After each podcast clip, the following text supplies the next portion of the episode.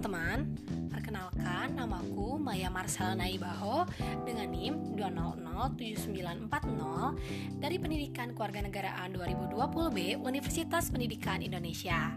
Nah, kali ini aku akan menjelaskan mengenai hakikat proses belajar dan pembelajaran pendidikan ilmu pengetahuan sosial, di mana ini merupakan salah satu tugas dari mata kuliah pendidikan ilmu pengetahuan sosial. Nah langsung aja ya teman-teman. Hakikat proses belajar dan pembelajaran pendidikan ilmu pengetahuan sosial ini aku bagi menjadi enam. Yang pertama itu ada pengertian PIPS dan proses pembelajaran. Kemudian ada media dan sumber belajar PIPS Kemudian ada aspek-aspek pembelajaran. Lalu ada pembelajaran IPS di SD, SMP, dan SMA Lalu ada model pembelajaran PIPS Dan terakhir ada tujuan pembelajaran PIPS Nah, seperti yang teman-teman ketahui, bahwasannya ilmu pengetahuan sosial atau IPS ini merupakan cabang ilmu yang mengkaji tentang kehidupan sosial kemasyarakatan, termasuk di dalamnya membahas permasalahan yang terjadi dalam kehidupan sosial. Nah, sedangkan pengertian dari proses pembelajaran itu sendiri adalah sebuah upaya bersama uh, pendidik dan peserta didik untuk terbagi dan mengolah informasi dengan tujuan agar pengetahuan yang terbentuk terintern terinternalisasi dalam diri peserta pembelajaran dan menjadi landasan belajar serta mandiri dan berkelanjutan. Nah, kemudian seperti yang teman-teman ketahui juga, tujuan pembelajaran PPS ini di antaranya yaitu untuk mengenal konsep-konsep dalam kehidupan masyarakat, memiliki kemampuan dasar berpikir yang logis dan kritis, kemudian memiliki kesadaran terhadap nilai-nilai sosial. Jadi, jika secara umumnya pembelajaran pendidikan ilmu pengetahuan sosial ini e, untuk mengembangkan potensi peserta didik agar peka terhadap masalah pribadi, masalah sosial, uh, dan juga uh, masalah yang ada di masyarakat serta memiliki sikap mental positif terhadap perbaikan segala ketimpangan yang terjadi di lingkungan keluarga maupun masyarakat, teman-teman. Nah, adapun aspek-aspek pembelajaran PIPS ini yaitu ada manusia, tempat dan lingkungan, kemudian ada waktu, berkelanjutan dan perubahan, selanjutnya ada sistem sosial dan budaya, dan yang terakhir ada perilaku ekonomi dan kesejahteraan.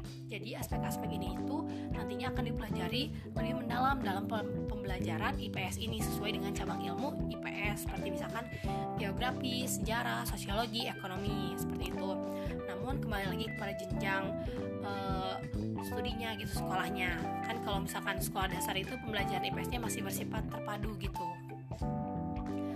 Nah, kemudian ada pembelajaran ilmu pengetahuan sosial di SD, SMP, dan SMA. Nah, kalau di SD itu pembelajaran IPS-nya itu uh, terpadu teman-teman, yaitu memadukan ilmu sosial seperti sosiologi, sejarah, geografi, dan ekonomi itu menjadi satu mata pelajaran uh, yang dinamai dengan ilmu pengetahuan sosial gitu, teman-teman. Kalau untuk SMP dan uh, SD, nah lain halnya dengan SMA atau sekolah menengah atas atau e, madrasah alia atau SMK gitu kan. Nah, kalau di situ tuh pembelajaran IPS-nya itu sudah menggunakan pendekatan terpisah gitu atau separatet. E, jadi mm, pembelajarannya itu dikembangkan dan disusun mengacu pada beberapa disiplin ilmu sosial secara terpisah atau e, istilah sederhananya itu e, terbagi ke dalam beberapa mata pelajaran yaitu seperti sejarah, geografi, sosiologi dan ekonomi seperti itu.